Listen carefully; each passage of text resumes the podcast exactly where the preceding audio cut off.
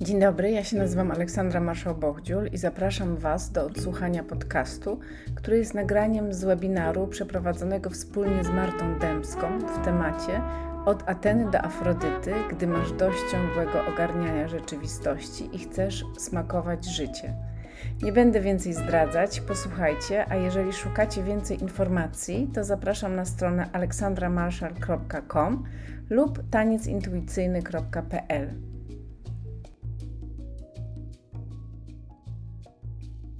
Ja się nazywam Marta Dębska i jestem tancerką flamenco. A ja się nazywam Ola Marszał-Bogdziul i jestem psychoterapeutką. Od pewnego czasu się bardzo polubiłyśmy i tak. się wzajemnie inspirujemy, bo mamy bardzo dużo wspólnych zainteresowań, takich intelektualno-zawodowo-doświadczalnych. Generalnie mm. filozofia życiowa sprawiła, że się przyciągamy z Olą nawzajem. Tak.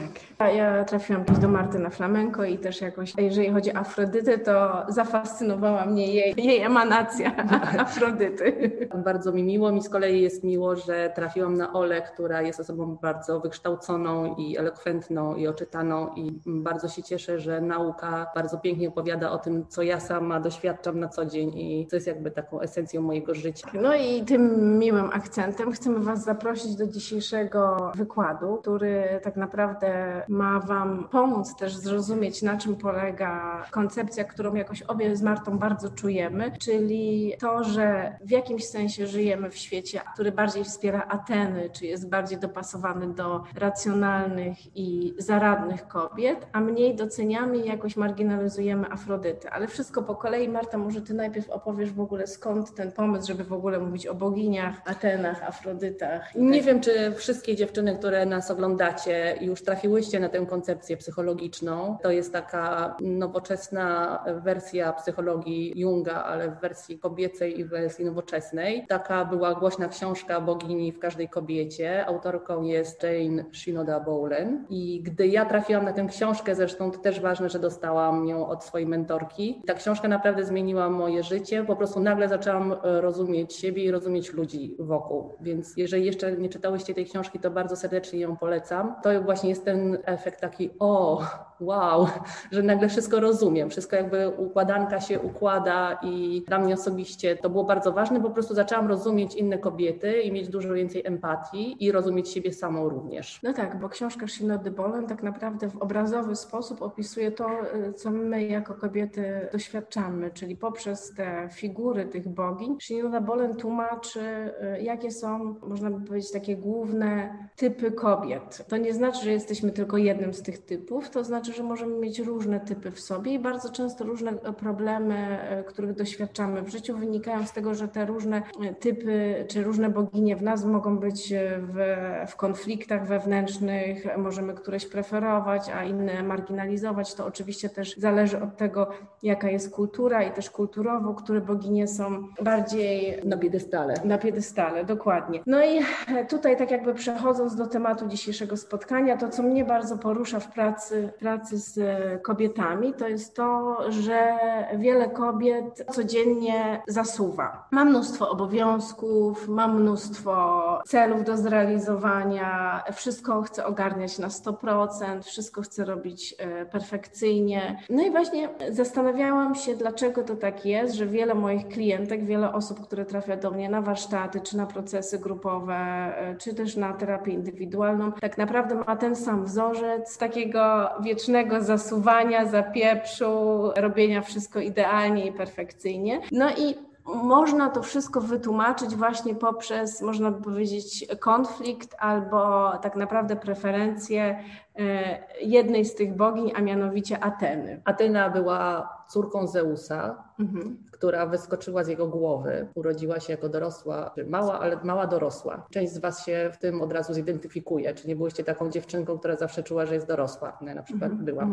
Atena to jest bogini strategii. Przede wszystkim żyje we własnej głowie, kieruje się intelektem, kieruje się rozsądkiem, hołduje zasadzie złotego środka, czyli nie ulega namiętnościom, nie szaleje, robi wszystko tak step by step -hmm. i lubi porządek tak, w życiu. Tak, i teraz jak ty, ty o tym mówisz, to też mi się to kojarzy z tym, że w zasadzie nie ma się co dziwić, że takie jesteśmy, albo że wiele z nas takie jest, ponieważ już jak trafiamy do szkoły, czyli bardzo wcześnie, cały system szkolnictwa jest tak naprawdę ułożony w taki sposób, żeby właśnie preferować tą logiczną, analityczną, racjonalną część nas. Czyli od razu jesteśmy sadzane do ławek, od razu mamy się uczyć różnych rzeczy, myśląc i zastanawiając się nad, nad nimi i, tak, i cała mądrość ciała. W sposób systematyczny, odtąd dotąd, sprawdzony, tak. metodyczny. I naukowy, tak. I ja nawet, nawet myślę, że nawet w psychoterapii tak naprawdę preferuje się takie podejście, że wiele rzeczy można zrobić umysłem.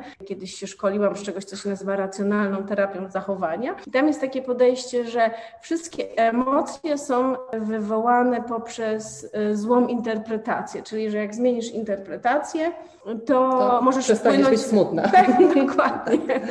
A Atena urodziła się w zbroi. Tak, to też jest bardzo ważny aspekt tego archetypu. To, to urodzenie w zbroi w zasadzie może mieć wieloraką symbolikę, tak, że z jednej strony no ona wyskakuje z tej głowy Zeusa, e, czyli w pewnym sensie można powiedzieć, że jest taką odpowiedzią też na taki patriarchalny, męski, logiczny świat i doskonale się w nim odnajduje, ale w moim odczuciu to jest też tak, że to jest pewien mechanizm obronny, że gdzieś ta zbroja Ateny jest też czymś, co my jako kobiety przyodziałyśmy właśnie w tym świecie, który niestety nie za bardzo sprzyja tym naszym Afrodytom. No przede wszystkim po to, żeby y, konkurować w takim męskim świecie i żeby wypracować sobie naszą własną pozycję.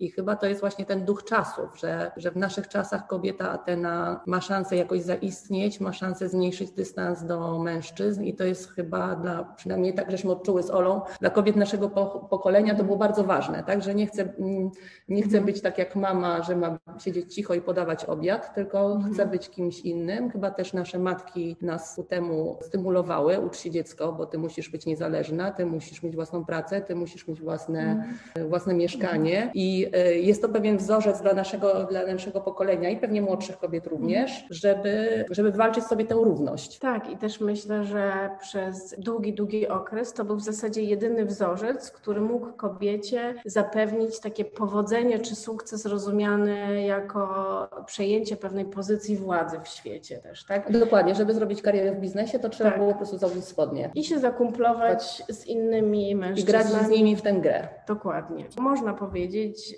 że Afrodyta była... Atena, Atena, Boże, Atena. Ja bo Afrodyta nas najbardziej fascynuje, bo wszystkie jesteśmy po prostu zawładnięte przez Atenę i mamy jej trochę dość.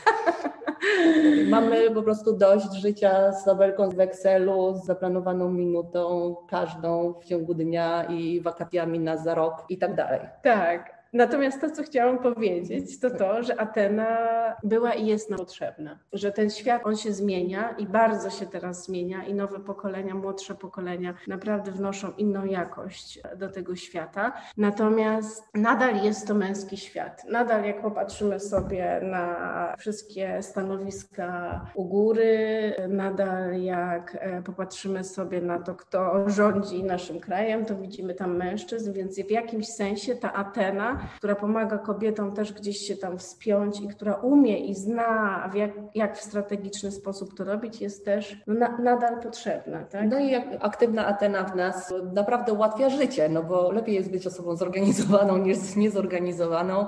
Po prostu życie jest łatwiejsze, jak jest trochę zaplanowane, przewidziane i rozplanowane strategicznie, więc kochamy Atenę. To nie jest tak, że my ją jakoś odrzucamy. Tylko... Kochamy, ale właśnie. Ale, tak. Właśnie. No, jest pewne ryzyko z nią związane, że, że kobiety no, są niezwykle zaradne. Ostatnio widziałam takiego mema, e, czy taki filmik na Facebooku mi się wyświetlił, gdzie kobieta e, pokazała, jak gdy czekam na wodę, która ma się zagotować w czajniku. Włączyła czajnik z gotującą się wodą, w międzyczasie wymyła podłogi, posprzątała po tak. dziecku, ugotowała makaron. Ale ale jeszcze się... I się umalowała. Ale jeszcze się uczy francuskiego przecież.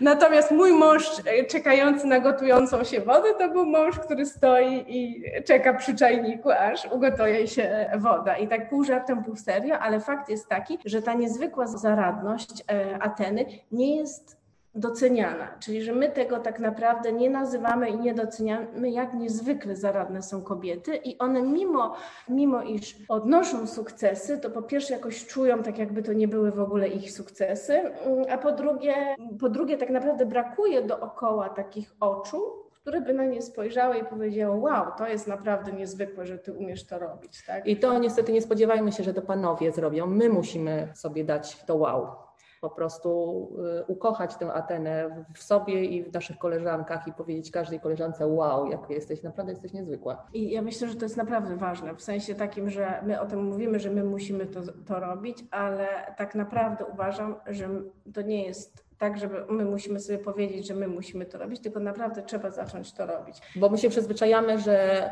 ojejku, jak ona jest ogarnięta, jak ona wszystko tak. to robi, no ale w sumie, no wiadomo, ja też tak po prostu zasuwam, więc y, tak. ponieważ ja zasuwam, to mi się wydaje, że wszyscy tak powinni, a myślę, że to jest naprawdę heroizm. Tak. I teraz dlaczego to jest takie ważne, żeby to docenić? Bo samo to docenienie może spowodować, że możemy na moment wystopować i poczuć, jak wielką mamy siłę też i jak wielką siłę nam daje ta Atena.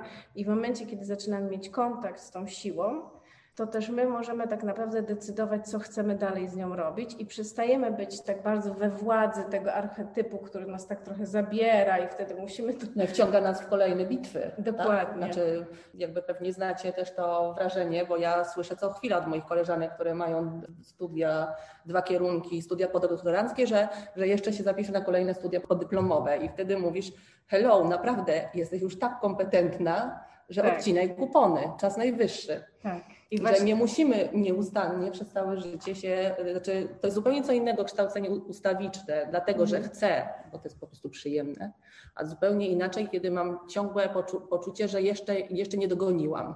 Mm.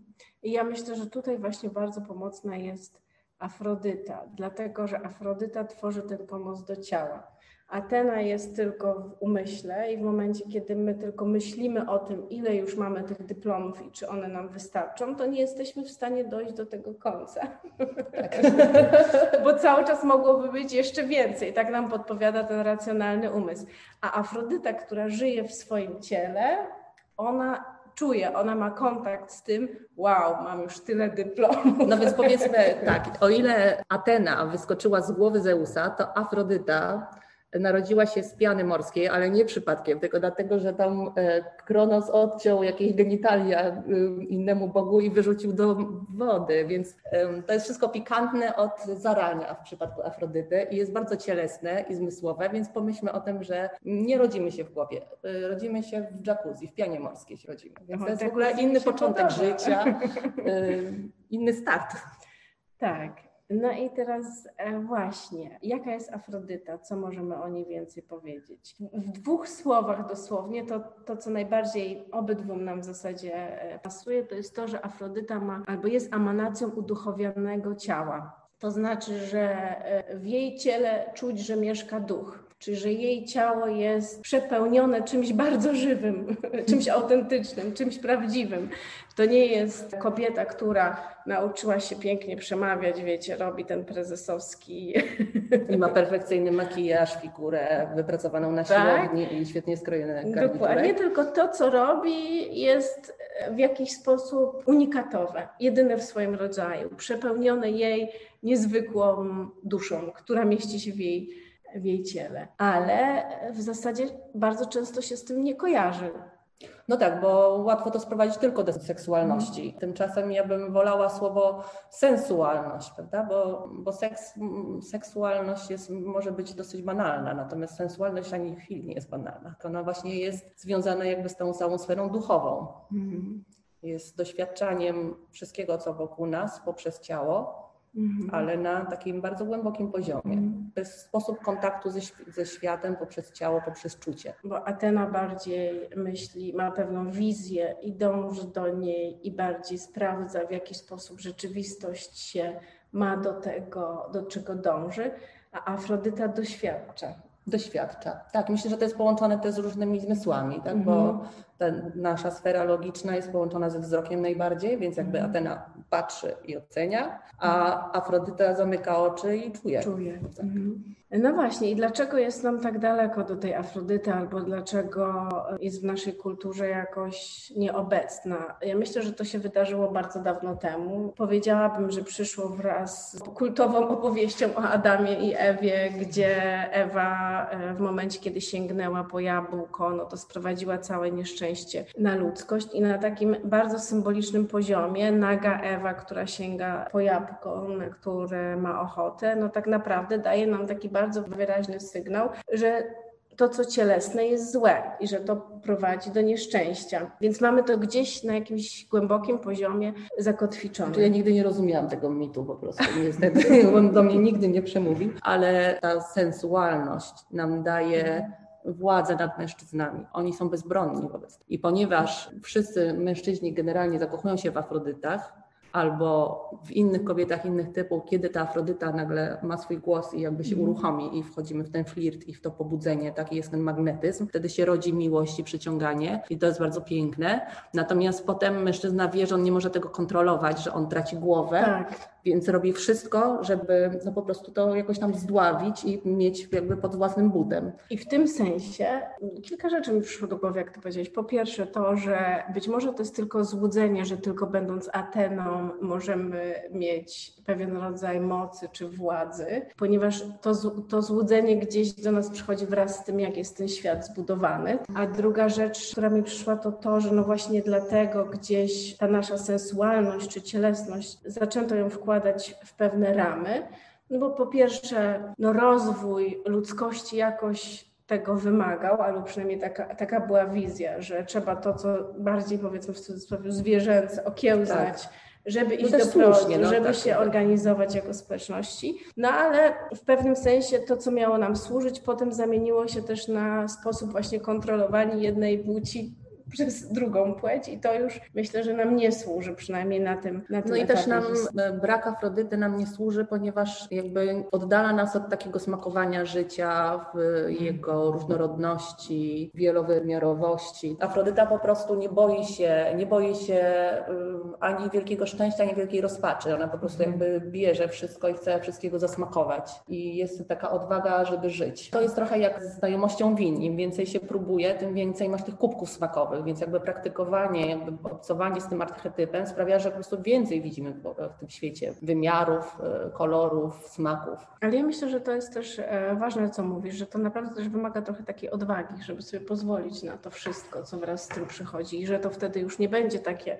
pod kontrolą. Bo nie ma zbroi. Tak, Ta Afrodyta jest naga, przepraszam bardzo, ale tak to jest. dokładnie. E, e, Żeby właśnie puścić tego też wewnętrznego kontrolera, którego my wszystkie połknęłyśmy wraz z, z przysłowiowym czy też niepatriarchatem, i to potrzebujemy same w sobie też rozpracować, tak i się na to zdecydować, że ja to ściągam czy puszczam tą zbroję i pozwalam temu, co tam jest w środku, jakoś żyć. Albo tak naprawdę zaczynam z tym nawiązywać relacje, czy jakiś kontakt i nic. I obserwuję i patrzę na siebie, tak jak właśnie na tą zmieniającą się pogodę. Tak, co dzisiaj mamy za pogodę? No po prostu trzeba tę Afrodytę w sobie odnaleźć i też docenić. Mhm. Tak jak powiedziałyśmy, że musimy docenić, że Atena zrobiła po prostu kawał wspaniałej roboty, ale być może trzeba docenić, że bez Afrodyty się nie da. Bez Afrodyty życie Nie tak smakuje. No właśnie, tak. Jeszcze jest jedna rzecz, no bo jakby ta sensualność jest y, i seksualność jest ważna. Po prostu my ciągle się boimy, tym bardziej, że albo jak jesteśmy młodymi dziewczynami, że za bardzo spro- sprowokujemy sytuację, tak, i będziemy mieć złą opinię. Potem, y, no jeżeli jesteśmy mężatkami czy w stałych związkach, no też strach jest, tak, uruchomisz tę, tę Afrodytę, coś się może wydarzyć, po co sobie komplikować życie. Ja to doskonale rozumiem, więc jeżeli ta Afrodyta jest rozpoznana i doceniona i znajduje sobie swoje tereny, to ona naprawdę nie musi nam rujnować tego życia, bo ona A sobie znajdzie. przeciwnie. tak, Mhm. ona sobie znajdzie- i Tak, sprawia, że y, może jest... nie tylko, że może ożywiać na, nasze małżeństwo, ale może po prostu dać nam wiele innych terenów, w których, w których znajdujemy tę, tę przyjemność i to, to bycie Może w ciele, Tak. niekoniecznie po prostu skakując wszystkim do łóżka. Tak, ja myślę, że ona daje spełnienie na innym poziomie, bo w momencie, kiedy bardziej identyfikujemy się z Ateną, to to spełnienie i idzie bardziej poprzez te sukcesy wojenne. Tak, tak. Im dalej się wespniemy na tej drabinie, tym, tym bardziej czujemy, że odniosłyśmy sukces. Natomiast dla Afrodyty powiedziałabym, ten sukces czy, czy spełnienie jest chwilą. Jest dokładnie, jest bardziej doświadczeniem chwili, w doświadczeniu chwili, w przeżywaniu jej całą sobą, w czuciu, czuciu tego, co na dany moment najbardziej w nas jest obecne. Większość kobiet odczuwa tę tęsknotę za pełnią życia, bo to się wciąż pojawia, takim jest tematem obecnym w tym świecie kobiecym. Natomiast odnosimy z Olą takie poczucie, że próbujemy być Afrodytą, ale podchodzimy um, uzbrojone i myśląc strategicznie jak Atena. To chyba jest trochę przegięcie. I mhm. trzeba tutaj jakby to obnażyć, to, to zjawisko. My mamy mnóstwo przykładów. To jest tak jakby, jednym przykładem jest yoga, że idziemy na jogę, bo chcemy tak właśnie ciało i duch, że to jest takie udochodnione, a potem się katujemy jakby tymi y, asanami pod linijkę i tam mhm. jakby nie ma w ogóle przestrzeni na jakieś doświadczenie takie duchowe. Mhm. Albo moim doświadczeniem jest to, że jakby ludzie przychodzą na lekcję tańca flamenco, które jest najbardziej ognistym, osobistym tańcem na świecie. Mhm. I jak ja mówię, dobrze, no nauczyliśmy się tam dwóch ruchów, to teraz proszę bardzo jest muzyka i teraz wczówka. Teraz proszę tak bardziej tak, tak zatańczcie to. I wtedy jest jakby kompletna blokada. Nie, nie, nie, bo my jeszcze się uczymy kroków. A potem mija 10 lat i nadal się uczą kroków. Mhm. I jakby ani razu nie było tego prawdziwego zaangażowania. One, to, to tańczenie, to zaangażowanie, to bycie powinno być od, od najprostszego ruchu. On nie musi być doskonały, on może być jakikolwiek. Ja mam teraz takie dwie myśli, jak o tym mówisz, że, że to jest po prostu to, to, co Marta próbuje powiedzieć, to jest coś takiego, że my próbujemy dotrzeć do Afrodyty w sobie, robiąc to metodą Ateny. Y, czyli już tak jakby wiemy, że chcemy więcej kontaktu z ciałem, być może nawet to poczułyśmy trochę w różnych momentach, ale potem mówimy sobie, jak ja mam to robić, jak ja to mam ćwiczyć. I wtedy wkracza na arenę Atena, która mówi, no to codziennie. Tak, od 8 e, do 8.30 gimnastyka. Tak, albo yoga. No albo... i, to, to, i to one mogą, myślę, że jakoś mogą sobie pomagać, natomiast gdzieś ryzyko jest takie, że bardzo szybko tracimy tą afrodytę, bo zaczynamy to robić bez kontaktu z takim prawdziwym pragnieniem, czyli jeżeli danego dnia ja naprawdę nie chcę, nie potrafię, nie mam ochoty na to, żeby robić kolejnych asan, to może to jest ten dzień, żeby tego nie robić i żeby posłuchać, co tak naprawdę, czego by tak naprawdę pragnęło jakieś moje głębsze ja. A właśnie bardzo często już mamy tą metodę i już znowu jesteśmy w tym samym tak naprawdę schemacie. Do Afrodyty można dotrzeć też spotykając Afrodyty na swojej drodze i też myślę, że to było nasze doświadczenie. Ja spotkałam Afrodytę, która odmieniła moje życie, bo jak mówiłyśmy, e, archetyp Ateny jest najważniejszy na etapie, czy znaczy w ogóle jest niezbędny, jest dominujący wtedy, kiedy jesteśmy w szkole, kiedy się uczymy, studiujemy, mm. więc przez większość tam młodzieńczego czasu jest bardzo silny i ja jak byłam w liceum, to byłam kompletnie zawładnięta przez, przez Atenę. Y, po prostu mhm. widziałam świat tylko racjonalny i wszystko musiało być praktyczne i mhm. logiczne. I właśnie na mojej drodze się pojawiła Atena w postaci mojej nauczycielki od angielskiego, która Afrodyta. była... Afrodyta. O, jest ciągle jednym. A ja już tak wiem, jest? ja wiem dlaczego tak, tak, jest. Tak, bo one obie płyną z tego samego źródła. Okay. No bo są obie emanacją pewnej większej siły życiowej, która się objawia albo jako Atena, albo jako okay. Afrodyta i w pewnym sensie wiesz, gdzieś jest ten wspólny korzeń i tak dla obu. No, no w każdym razie moja Afrodyta to była pani od angielskiego, która pojawiła się w tym liceum, gdzie wszyscy nas sprawdzali, oceniali, że po prostu codziennie było pięć klasówek, że po prostu to były same takie zadania i nagle się pojawiła pani, która rozmawiała mm, z nami o literaturze, ale nie dlatego, że to był program, tylko dlatego, że ona tak spędzała życie, że po prostu szła do kawiarni, wyciągała sobie sonety Szekspira po angielsku i sobie po prostu je czytała. Mhm. Tak? I sobie oglądała tam, potem spacerowała po parku, chadzała do opery. No dla mnie to był kompletny szok. W latach 90. takich ludzi naprawdę raczej nie było. Oprócz tego była naprawdę piękną kobietą i ujmującą i nas wszystkich e, uczniów e, przytulała na dzień dobry. Mhm. I to był, to był taki szok, słuchajcie, to był taki szok. To było w ogóle, y, ona była naprawdę jak taka bogini, która wyszła z tej, z tej morskiej piany. I też pamiętam, że spotkał ją totalny ostracyzm ze strony i nauczycieli, i innych uczniów. I, natomiast no, nie, niektórzy się w niej zakochali jak ja i, i ja uważam, że ona kompletnie uratowała moją duszę. No właśnie, to jest fajnie powiedziane, uratowała duszę, bo ja mam dokładnie to samo doświadczenie, że w tym świecie tych różnych wymagań w pewnym momencie na mojej drodze stanęła kobieta, która była przyjaciółką moich rodziców i e, my jeździliśmy razem w nie na takie wyjazdy biwakowe i ona zapraszała mnie do swojej przyczepy kampingowej, gdzie wyciągała właśnie różne takie magazyny. Kiedyś istniał taki magazyn Nieznany Świat, w którym e, pisano o różnych parapsychologicznych historiach. No już niezależnie od tego, ile tam było prawdy, a ile tam było wymyślonego, to i tak. To, to było, ona to- była z innej bajki. Ona mnie zaprosiła do tej innej bajki, a co więcej, sposób w jaki ona na mnie patrzyła, to co ona we mnie widziała, to było niezwykłe. To mi pomagało rozkwitać. Ja naprawdę przy niej czułam, że w końcu widzi mnie ktoś taką, jaką ja naprawdę jestem. I, I dlatego uważam, że uratowała moją duszę, bo to była ta jedna, jedyna osoba w moim otoczeniu, która faktycznie dokładnie tak, w taki sposób na mnie patrzyła. No więc takie były nasze doświadczenia, że gdzieś te Afrodyty się na tej naszej drodze pojawiły i teraz myślę, że od tego momentu też coś w nas już zaiskrzyło i czegoś nie dało się Tak, ja teraz jakby puścić, widzę, tak. że ja dążę do jak największego kontaktu Mhm. z takimi osobami. Po prostu większość moich przyjaciółek ma bardzo silny Mhm. ten archetyp, bo po prostu to świat jest po prostu bogatszy, piękniejszy. A ja miałam taką w sumie historię, że mogę powiedzieć, że później posłuchałam mojego ojca, który wysłał mnie na SGH, Aha. bo ty nie posłuchałaś Ja, nie, bo ja posłuchałam pani od angielskiego.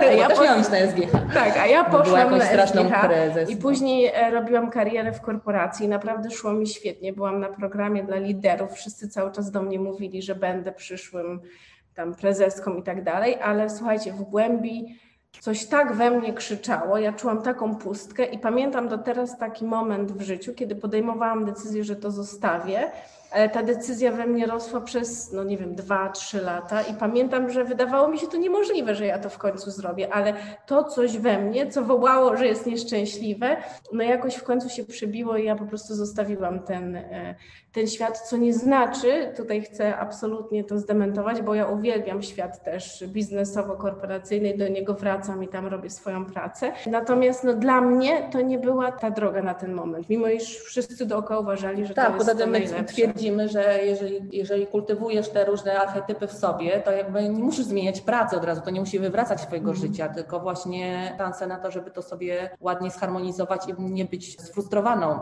panią w korporacji, tak? Tylko Mhm. jakby znaleźć tę przestrzeń, która sprawia, Albo że żeby być tym... tą panią w uduchowionym ciele w korporacji. korporacji, tak. I to na pewno Mhm. też, bo mam też przyjaciółki, które robią ogromną karierę y, w biznesie, właśnie poprzez swój ar- archetyp Afrodyty, no bo potrafią, potrafią Mhm. Bo zaczarować, bo to jest E. charyzma, bo one potrafią Mhm. zaczarować, one po prostu Mhm. dają y, ducha w jakieś projekty, w jakieś grupy, które Tak. czymś pracują i potrafią być właśnie takim dyskretnym liderem. Tak, natomiast No, też, chcę, też chcę podkreślić, że e, ja myślę, że, że to uduchowione ciało to też nie zawsze znaczy, że ktoś, że to jest ktoś, kto pnie się do przodu albo jest jakoś niezwykły i tak dalej, bo, bo ten duch w nas może mieć bardzo różne smaki, tak? I potrafię sobie wyobrazić poetkę, która właśnie tak jak ta twoja pani od angielskiego, która trochę bardziej w, gdzieś w ukryciu tworzy swoje niezwykłe dzieła i jest raczej introwertyczna, że to też jest emanacja Afrodyty. Tak, Bo- albo na przykład y, dar do zabawienia dzieci. Y, Mm. Afrodyta też jest wspaniałą osobą, przy, przy której dzieci nagle po prostu mają mnóstwo pomysłów, bo ona potrafi Tak. z nimi wejść w ten świat baśniowy w sposób bardzo łatwy i też właśnie spojrzeć tak na te Tak, dzieci, że one rozkwitają, właśnie, tak, że nie w Mm. sposób nieoceniający, tylko taki y, wspierający i dający taki, taką przestrzeń do rozwoju. Ja prowadziłam przez jakiś czas cykl warsztatów dla kobiet o boginiach w każdej kobiecie na kanwie tych różnych archetypów i zrobiłam po prostu taką analizę, które boginie są jakby najbardziej obecne i też aprobowane przez kobiety, które boginie są tymi, którymi one najbardziej chciałyby być, a które są takie, które najbardziej mówią nie, tego w ogóle nie chcę. I z tych najbardziej zaniedbanych y, i odpychanych bogiń no, wyszła Afrodyta i Persefona, czyli bogini podziemi. I to też pokazuje tak naprawdę pewien układ, który panuje w naszej kulturze. Tak? Czyli to, co najbardziej jest też tego nie chcę i to odpychamy, to zazwyczaj niesie też największy potencjał. Dlatego też w sumie postanowiłam i postanowiłyśmy świadomie pracować nad tym, żeby jednak zapraszać kobiety do ponownego kontaktu z tym właśnie archetypem. Że bardzo zapraszamy na nasze warsztaty wyjazdowe, bo właśnie liczymy na to, że gdy połączy się te nasze pogadanki, też będziemy mieć szansę wtedy porozmawiać z uczestniczkami, że każda z Was będzie mogła opowiedzieć swoją historię, ale też będą zajęcia z tańca intuicyjnego, mhm. czyli po prostu od razu, jak powiedział, tak zrobił. O. Z jednej strony będzie taniec, z drugiej strony to, co też wnosi psychologia procesu, czyli taki świadomy kontakt z ciałem. Powiedziałabym, że wszystko, co będziemy tam robiły, jakoś będzie też oparte na takim realnym doświadczeniu i na nauczaniu się tego doświadczenia siebie. I tak oto toczyły się nasze rozmowy pewnego letniego wieczoru, a tymczasem ponawiamy zaproszenie na wspólny wyjazd Przebudzenie Afrodyty, który odbędzie się od 28 października do 30 października w klimatycznym domu nad wierzbami pod Warszawą. Więcej informacji znajdziecie na naszych stronach www.aleksandramarszal.com lub taniecintuicyjny.pl. Zapraszam.